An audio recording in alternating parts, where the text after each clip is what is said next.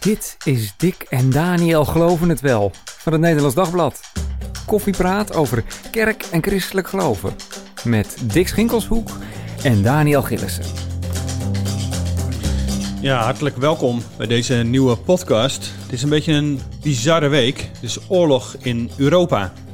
In de grootste aanval op een Europees land sinds de Tweede Wereldoorlog is het uh, Russische leger in de nacht van woensdag op donderdag Oekraïne binnengevallen.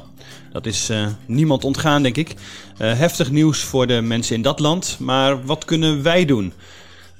en mag je uiteindelijk misschien zelfs wel bidden om de dood van Poetin om dit geweld te stoppen? Um, we gaan erover praten met, met Jan van Bentem, buitenlandcommentator van het Nederlands Dagblad. Jan, toen jij donderdagochtend wakker werd, wat dacht je?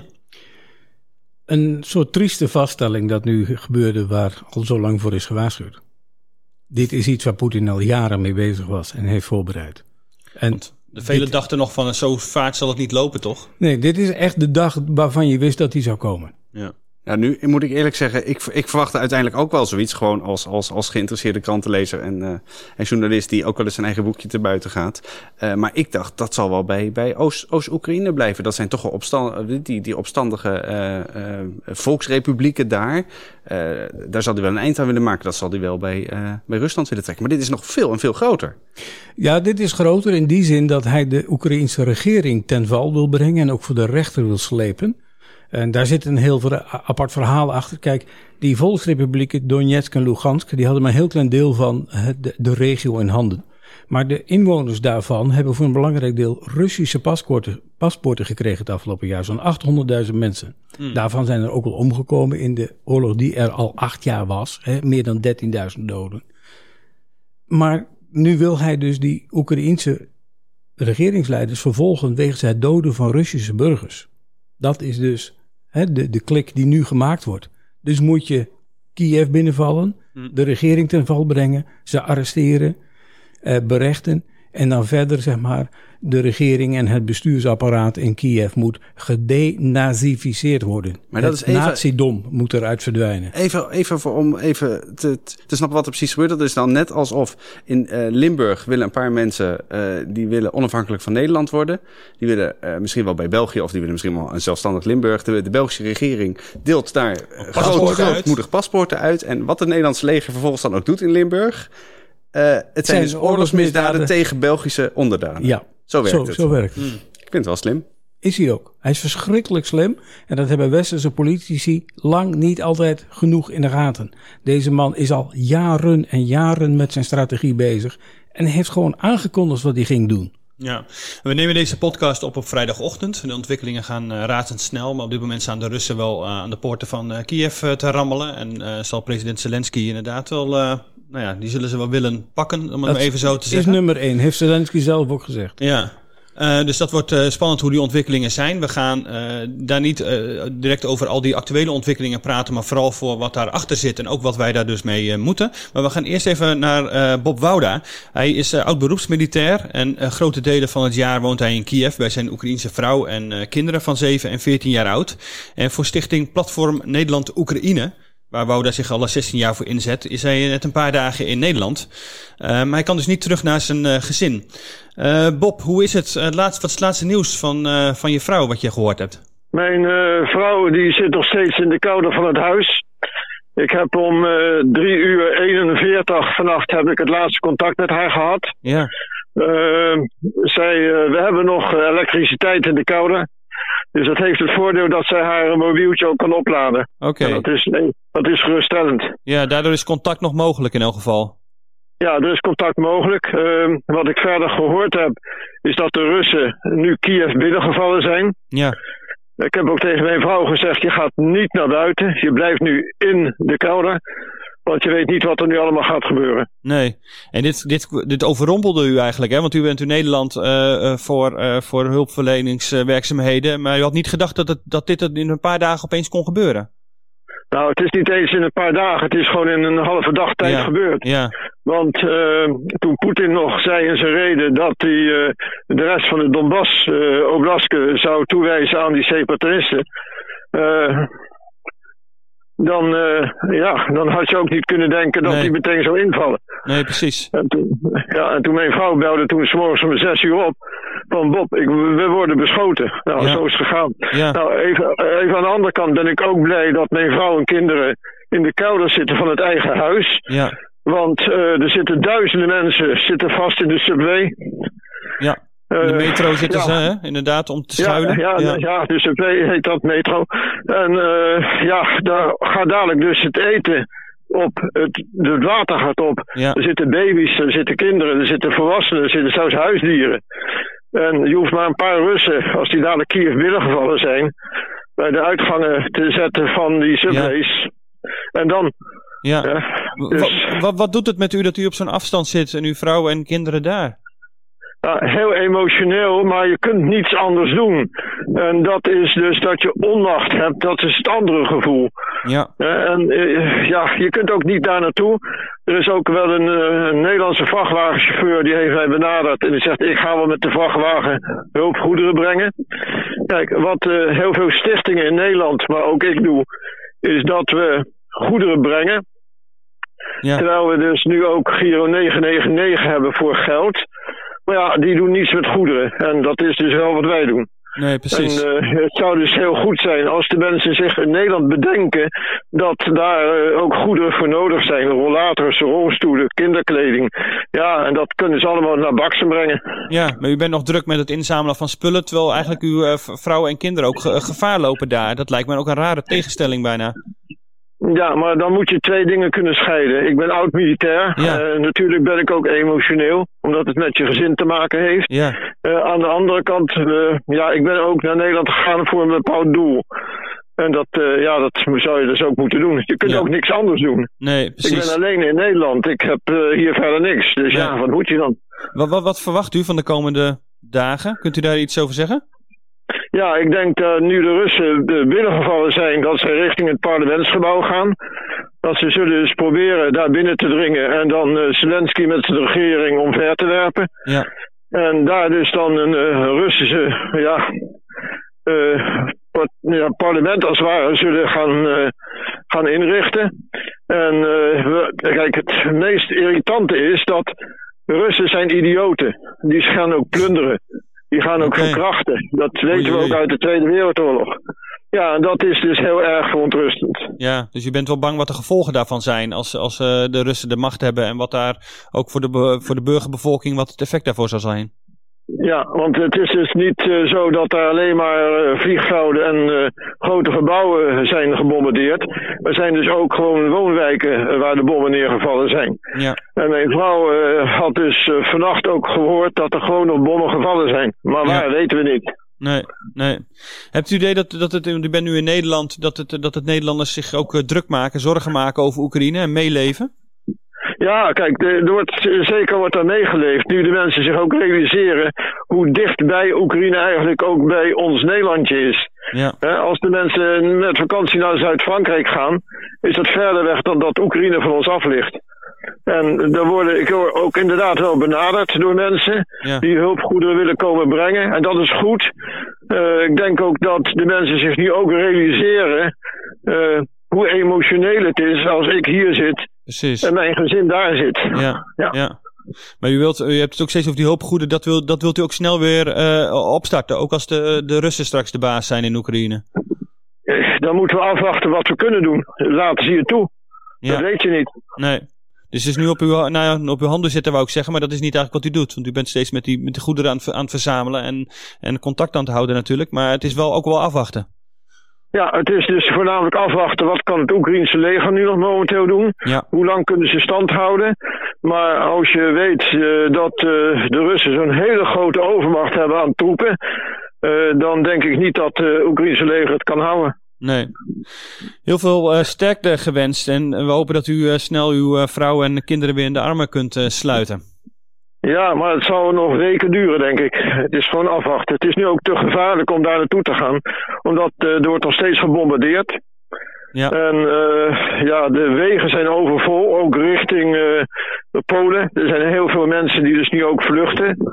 Eh, er zijn ook mensen die zeggen, ja, ik kan niet weg, want, nou, en dan een reden.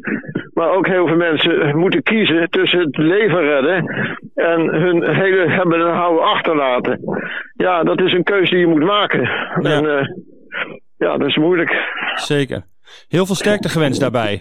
Ja, oké. Okay. Heel veel dank ook. Dank u wel. Goedemorgen. Ja. Nou, Jogger, ik vind het wel echt uh, uh, serieus heftig hoor, wat we nu van, uh, van Bob Bouda horen. En inderdaad, hè, het voelt ver weg, Oekraïne. Hij zei van het is net zo, net zo dichtbij als Zuid-Frankrijk. Nou, volgens mij klopt dat niet helemaal. Ik denk dat Zuid-Frankrijk... twee keer zo ver is misschien, Ja, precies. dat Oekraïne nog wel twee keer zo ver is. Maar het hele precies, het ja. idee, het gebeurt wel op ons continent. Het is wel echt heel erg... Nou, in die zin is het echt wel gewoon dichtbij, Jan. Het is dichtbij. Het is... Ik bedoel, het ligt aan de, grens, de grenzen van de Europese Unie. Er zijn ja. nu een zwik Europese lidstaten die een oorlog aan hun grens hebben. Die vluchtelingenkampen inrichten langs hun grenzen. Roemenië, Hongarije, ja. Polen. Omdat er nu al meer dan 100.000 mensen op de vlucht zijn geslagen. En, en wellicht nog veel meer straks. Uh, dit, dit is ongekend. Ja. In, in Europees verband is dit ongekend. We hebben wel oorlogen in Europa gehad, maar het waren deels burgeroorlog. Denk aan Joegoslavië, jaren, ja, name, 90, jaren 90. Maar dit ja. is een aanvalsoorlog. Puur zang.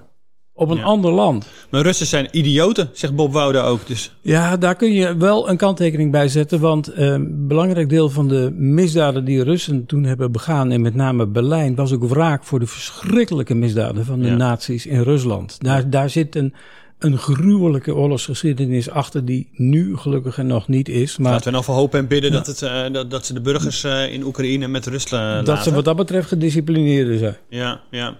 Hey, maar je had net, Dick vroeg al van, wat is, wat is nou precies de, de, de, de aanleiding zeg maar, voor, voor dit hele conflict? jij volgt dit al heel lang op de voet, Jan. Um, en je hebt ook al geschreven in het Nederlands Dagblad van, eigenlijk zie dit, dit al lang aankomen. Ja. Hoe... Um, ja, hoe zeker wisten we dat dit inderdaad ging gebeuren dan? Dit heeft uh, Poetin verteld in, in, iets meer bedekte termen, maar wel met uh, ook zeg maar, het uh, zuidoosten van de Oekraïne, met name genoemd en de Krim, op de NAVO-top in Boekarest in 2008, april 2008. Hij was woest over de steun die er was voor de, de zelfstandigheid van de staat Kosovo. Dat vond hij verschrikkelijk. En mm. eigenlijk kondigde hij daar toen letterlijk de eerste oorlog aan die zou komen. Die was er in augustus datzelfde jaar in Georgië. Ja, want hij is in Georgië natuurlijk ook al binnengelopen. We hebben nu te maken gehad met uh, een gebied inpakken in Georgië, in, uh, op de Krim, in het oosten van Oekraïne. Hè, Lugansk en Donetsk, mm. die rebellenrepublieken, die werden deels bestuurd vanuit Rusland. Letterlijk ook door iemand die uit Rusland woonde. Ja. Dus hij heeft al gebieden gepakt. Uh, in, in Transnistrië, in Moldavië, was er op de dag dat hij de erkenning aankondigde van, uh, van die volksrepublieken, dus de 21 februari, een militaire oefening. Dus ook daar zijn de Russen bezig. Ik uh, hoor regelmatig nu in deze, in deze tijd een vergelijking gemaakt worden tussen uh, Poetin en, en Hitler. Van Hitler is ook altijd gezegd dat hij volstrekt helder was uh, in wat hij wilde en waar hij naartoe ja. aan het werken was. Ook van Hitler gold dat toen hij eenmaal mm. aan de macht was. Nou, wat is het? Toen voegde hij het ene naar het andere gebied bij dat groot-Duitse Rijk. Hè, het Rijnland, dus het Oostenrijk natuurlijk. Tsjechoslowakije. Het houdt nou, niet meer op. Nee, nou ja, het, bij Hitler hield het op toen die Polen binnenviel. Wat vind je eigenlijk van zo'n zo'n vergelijking? Snijdt hij nou een beetje hout of moeten we daar gewoon heel snel mee kappen? Um, Hitler was natuurlijk gericht op het uitroeien van een bepaalde bevolkingsgroep. Dat was ook al heel duidelijk. Dus wat dat, wat dat betreft zat daar direct een genocidale gedachte achter. Daar kun je Poetin niet van beschuldigen met goed fatsoen.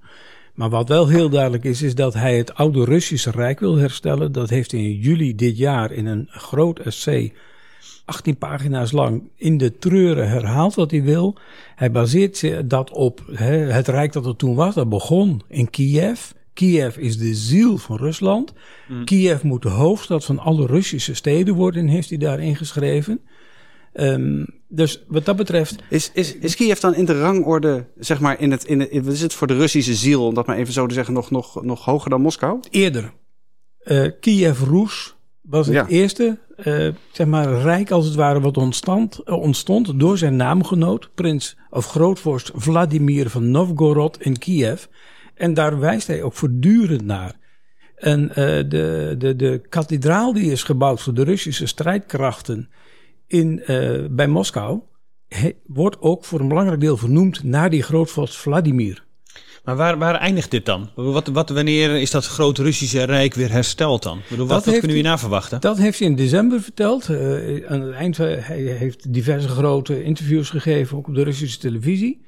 Maar daarin zei hij dat de ineenstorting van Rusland in de vorm van de USSR een drama is. En dat zou eigenlijk ja, moeten worden hersteld. Dat betekent dat al die staten die vroeger bij de Sovjet-Unie hoorden. De Baltische staten? De Baltische staten, uh, Wit-Rusland, Belarus heet het dan tegenwoordig, Oekraïne, Georgië, maar ook Kazachstan en, en al die landen. Die zouden terug moeten vallen onder de regie van Moskou. Misschien als een soort marionettenstaat, ja, maar, dan onderhorig aan het leiderschap van de, Rus de grote Russische natie. Maar er worden dus ook EU- en NAVO-staten uh, bedreigd daarmee. Ja, precies. Want de, de drie Baltische staten horen bij de EU. Ja.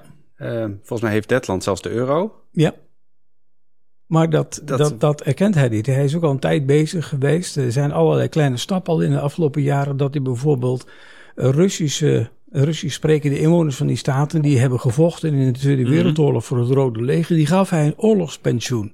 Omdat de, uh, de eigen regering zo slecht voor ze oh ja, Dus dat is een beetje toe-eigenen, zeg maar, van die horen eigenlijk bij mij. Die horen bij mij. En dat, uh, dat, dat wordt niet zo uitgespeeld als bijvoorbeeld Oekraïne hoor. Oekraïne ligt dieper bij de ziel van Poetin als hmm. dit hoort bij ons. Het is ook enorm groot, hè? 44 miljoen mensen. Ja, ja. Maar kun je je voorstellen dat, uh, dat Rusland ook die Baltische Staten zou binnenvallen?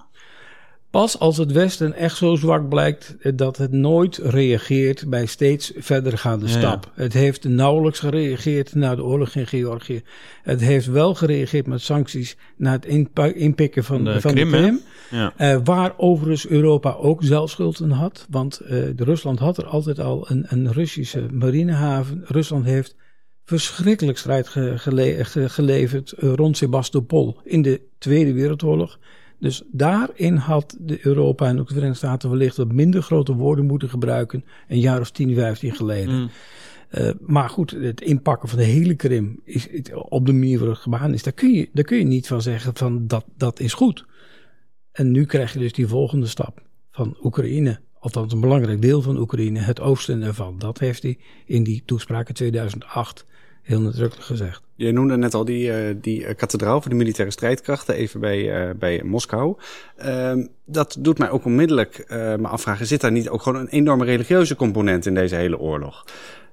bijvoorbeeld, want Rusland, de, zeg maar, de Russische identiteit houdt samen met de, de, de, de orthodoxe kerk hangt samen dus met een bepaald soort uh, christendom. Uh, we hebben gezien de afgelopen jaren dat in Oekraïne die, die orthodoxe kerk, die aanvankelijk nog uh, als geheel onder Moskou viel, gescheurd is. Ik bedoel, dat moet als hmm. Kiev zo ontzettend belangrijk is, moet dat toch ook voor enorme krassen zorgen op dat, op dat zelfbewustzijn. Dat doet het ook. Ehm, de, de belangrijke identiteit van de Russische natie is het gedeelde geloof, het orthodox, Russisch-orthodoxe geloof. Uh, dat wordt natuurlijk ook mede belichaamd door Kiev. Dat schrijft Poetin in dat essay van juli.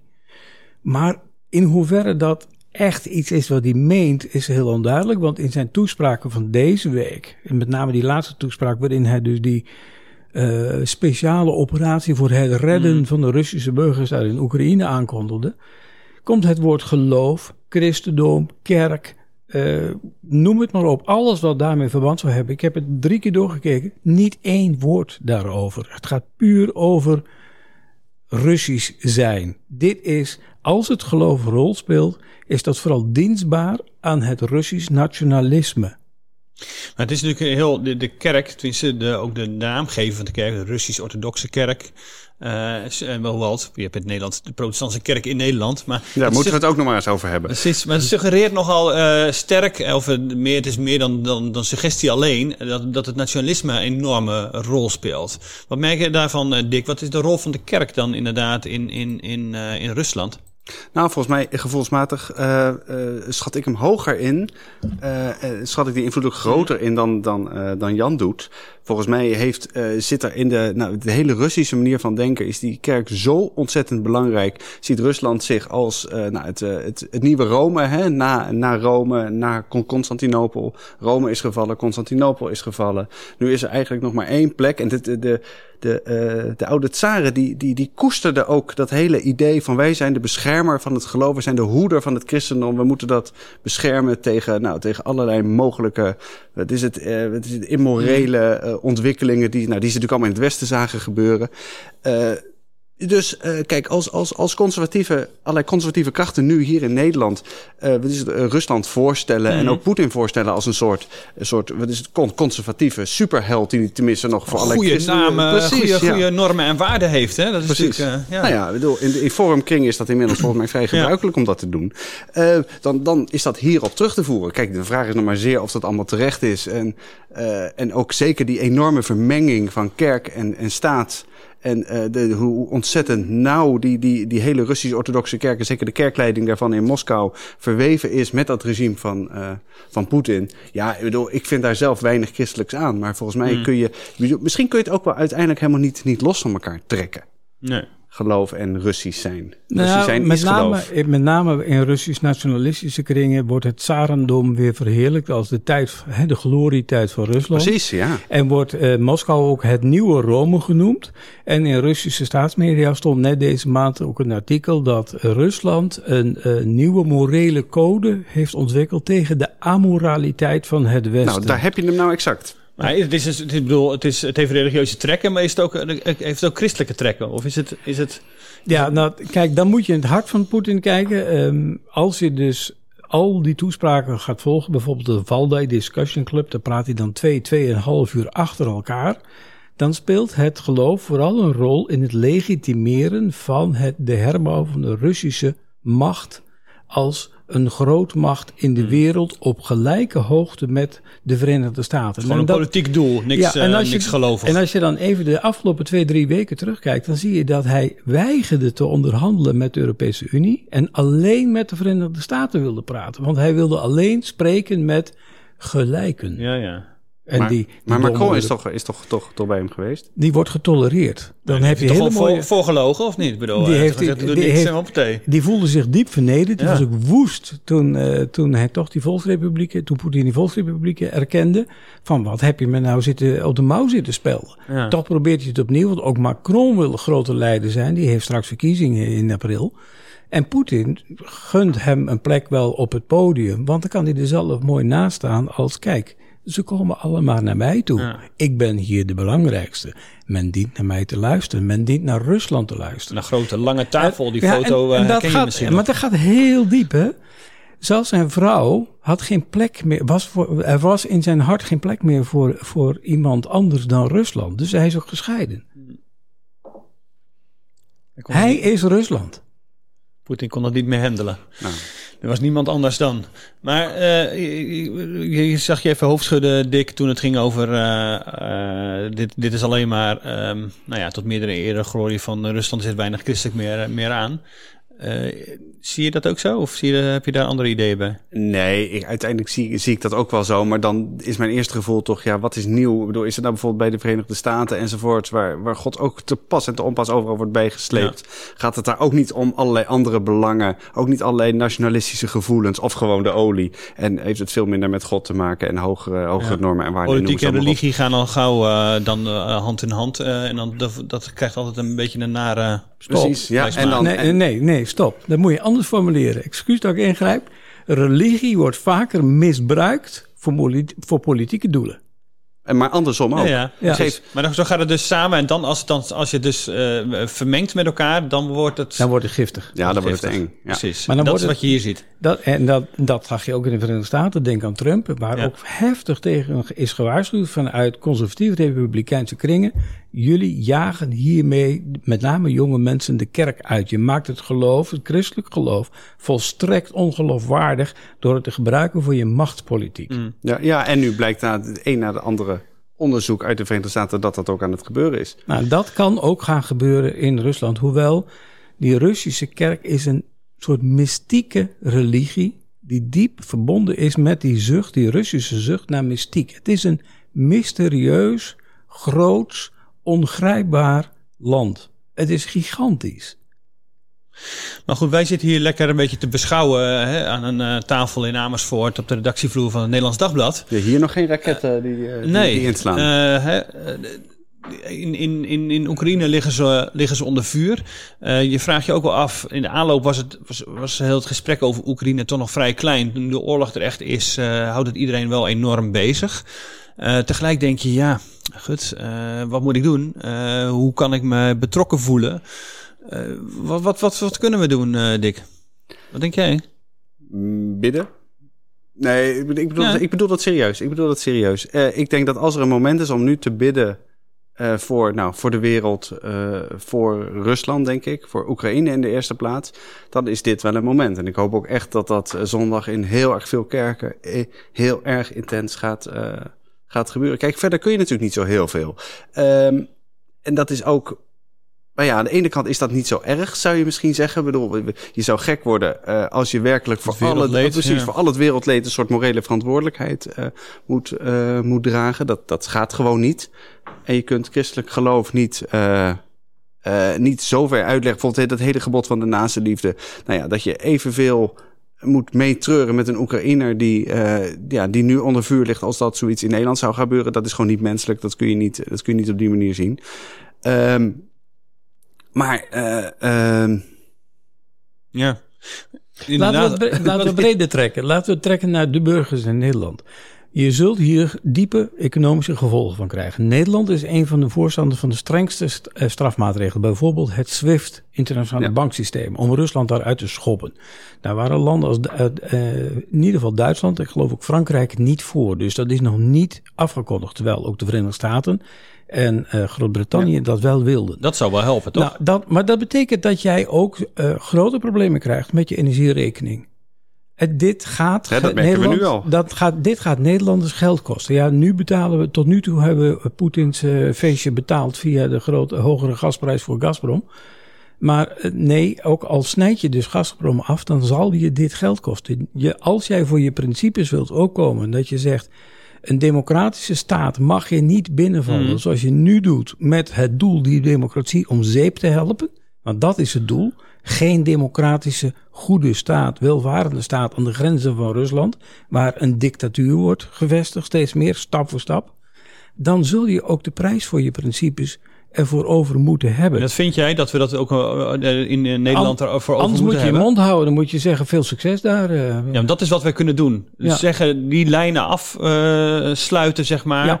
En ook, maar dat betekent ook nee tegen Russisch gas? Of hoe, hoe, wat betekent dat concreet dan? Als je Rusland echt onder druk wilt zetten, dan zul je de inkomstenbronnen voor het regime moeten afsnijden. Ja. En Gazprom is voor het belangrijkste deel in handen van het Kremlin. Ja, dus dat van, oh jongens, had ik nou maar een, een warmtepomp gekocht uh, ja. afgelopen en De meeste mensen kennen Gazprom van uh, de Champions League, denk ik. Dus zul je maar, ook als, uh, samen, ook als samenleving zul je dus ook solidair moeten zijn met mensen die wonen in niet geïsoleerde huizen, geen geld hebben om zonnepanelen aan te leggen. Mm. Dat zul je samen moeten gaan dragen. Dit gaat heel lang duren. Dit gaat heel diep ingrijpen, ook in de westerse economie en de westerse samenleving. We wilden met z'n allen al van het Russisch gas af, maar dat is nu een extra reden. Dus. Ja, nou ja, je kunt ook nog een andere positieve uh, gedachte erbij hebben. Wellicht dat, uh, laten we zeggen, nationalistisch rechtse kringen die nogal wegliepen met Poetin, nu de ogen worden geopend van dit is dus hoe je dan politiek bedrijft. Met maar bij Vormleider uh, Baudet was er nog niet echt uh, het geval volgens mij, als ik uh, zijn, nou, dan, zijn tweets dan, mocht geloven. Dan, dan mag ook dat zijn achterban de ogen worden geopend voor de werkelijke achtergrond ja. van deze meneer. Maar goed, je zegt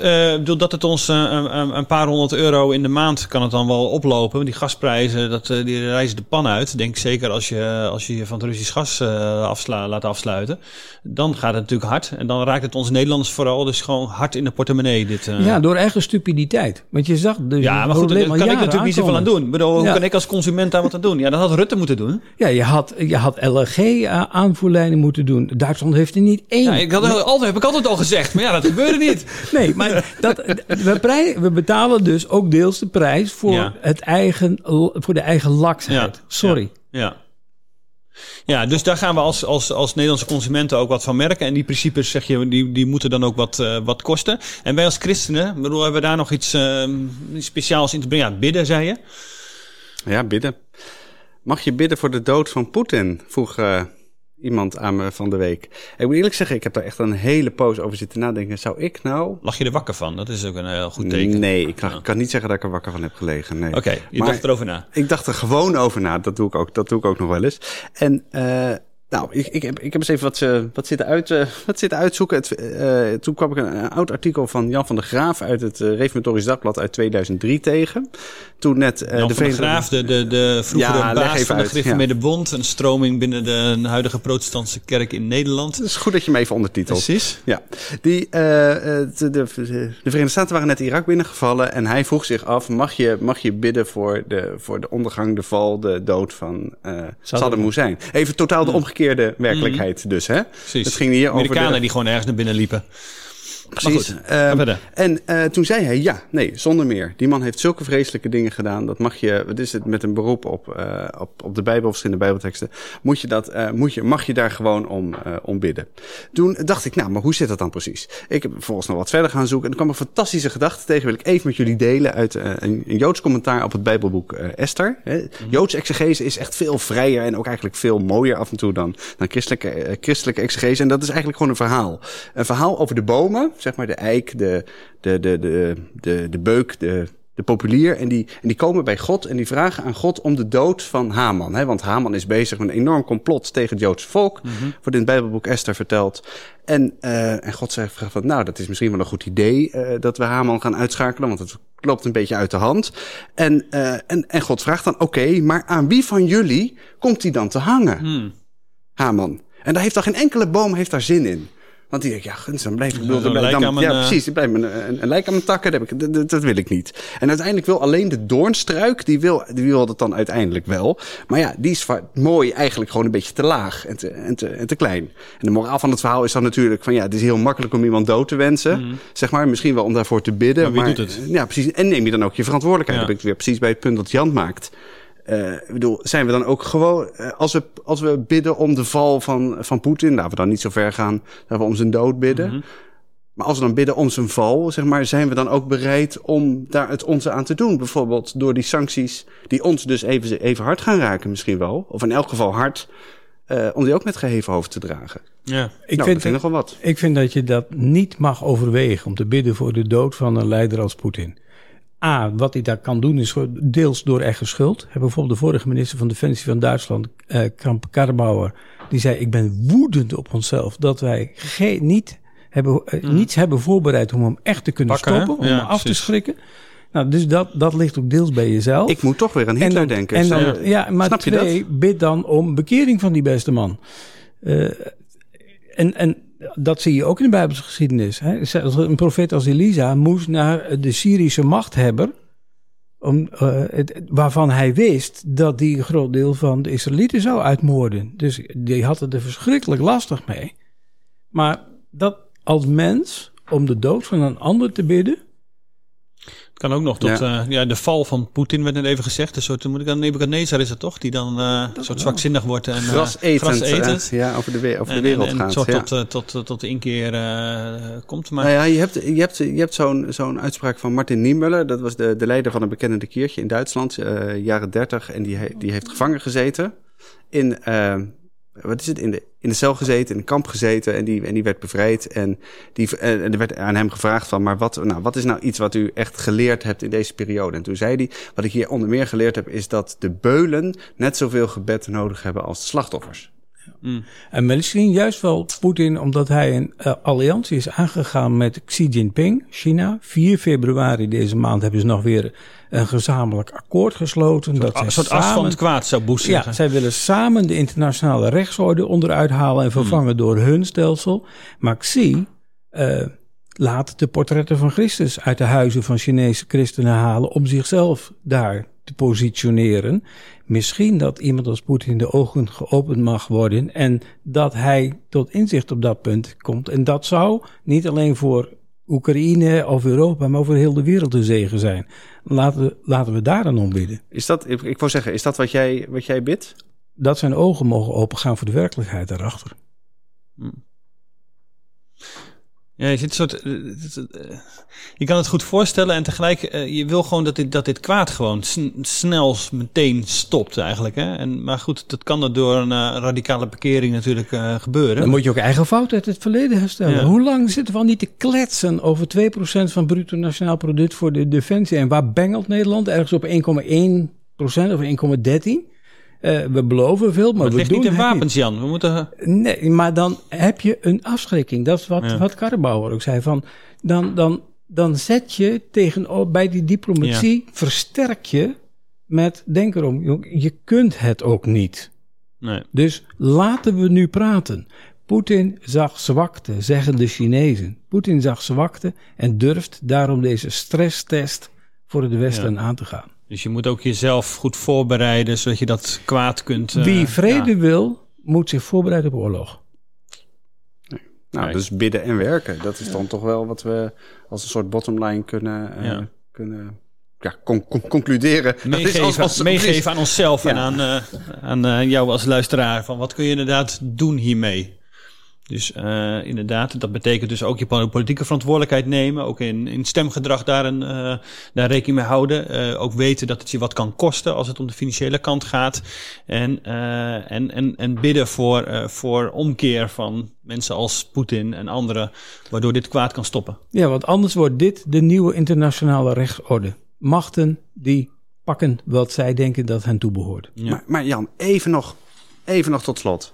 Denk je echt dat je nooit kunt bidden om, eh, om de dood van, eh, van een tiran?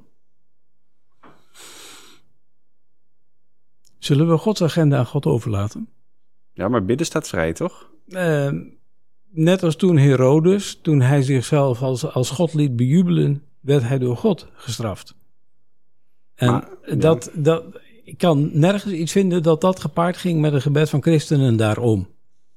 Nee, maar, je hebt, maar goed, oké, als we het op bijbelteksten tegenover elkaar gaan zetten. Je hebt ook Psalm, Psalm 139. Ja, Dat, dat, dat, dat rare stuk, bedoel, het hele dierbare psalm is een heel raar venijnig stukje. in. Eh, bedoel, gelukkig God, eh, hij die hè, de precies, kinderen ja. van zijn bezetters tegen de rotsen slaat. Nee, nee, nee, dat is Psalm, Psalm 137. Nee, dit is van eh, God, God Oh ja, breng de, de, de goddelozen om. Van, wat is het? eh, God brengt de goddelozen om weg. Jullie uit mijn ogen, jullie die eh, eh, eh, bloed vergieten. Nou, dat is toch, Een soort uitroeien. ja. En dan niet eh, God bekeer ze alsjeblieft, maar eh, Ja. Ik, kan het, ik kan het begrijpen als een wanhoopsschreeuw, Ja. hè, om dat onrecht te stoppen. en misschien mag je het ook als Oekraïner bidden. Zit daar verschil in? Op het moment dat je onder, onder vuur ligt, dat het toch anders is? Of als jij, eh, zoals in de tijd van uh, Nazi-Duitsland, daar zelf onder, direct onder leed? Maar dat het een beetje makkelijk is als wij in Oekraïne daar, eh, of in Zuid-Nederland daar, daar wij op die manier wij hebben het recht uit niet, denk ik. Voor een Oekraïne kan ik het voorstellen dat je die schreeuw aan God eh, richt. En dan, het is aan hem om daarover te oordelen. Niet aan ons. Dank. Dank eh, Jan voor eh, je wijze woorden. Dick, we, we gaan het hiermee eh, mee doen.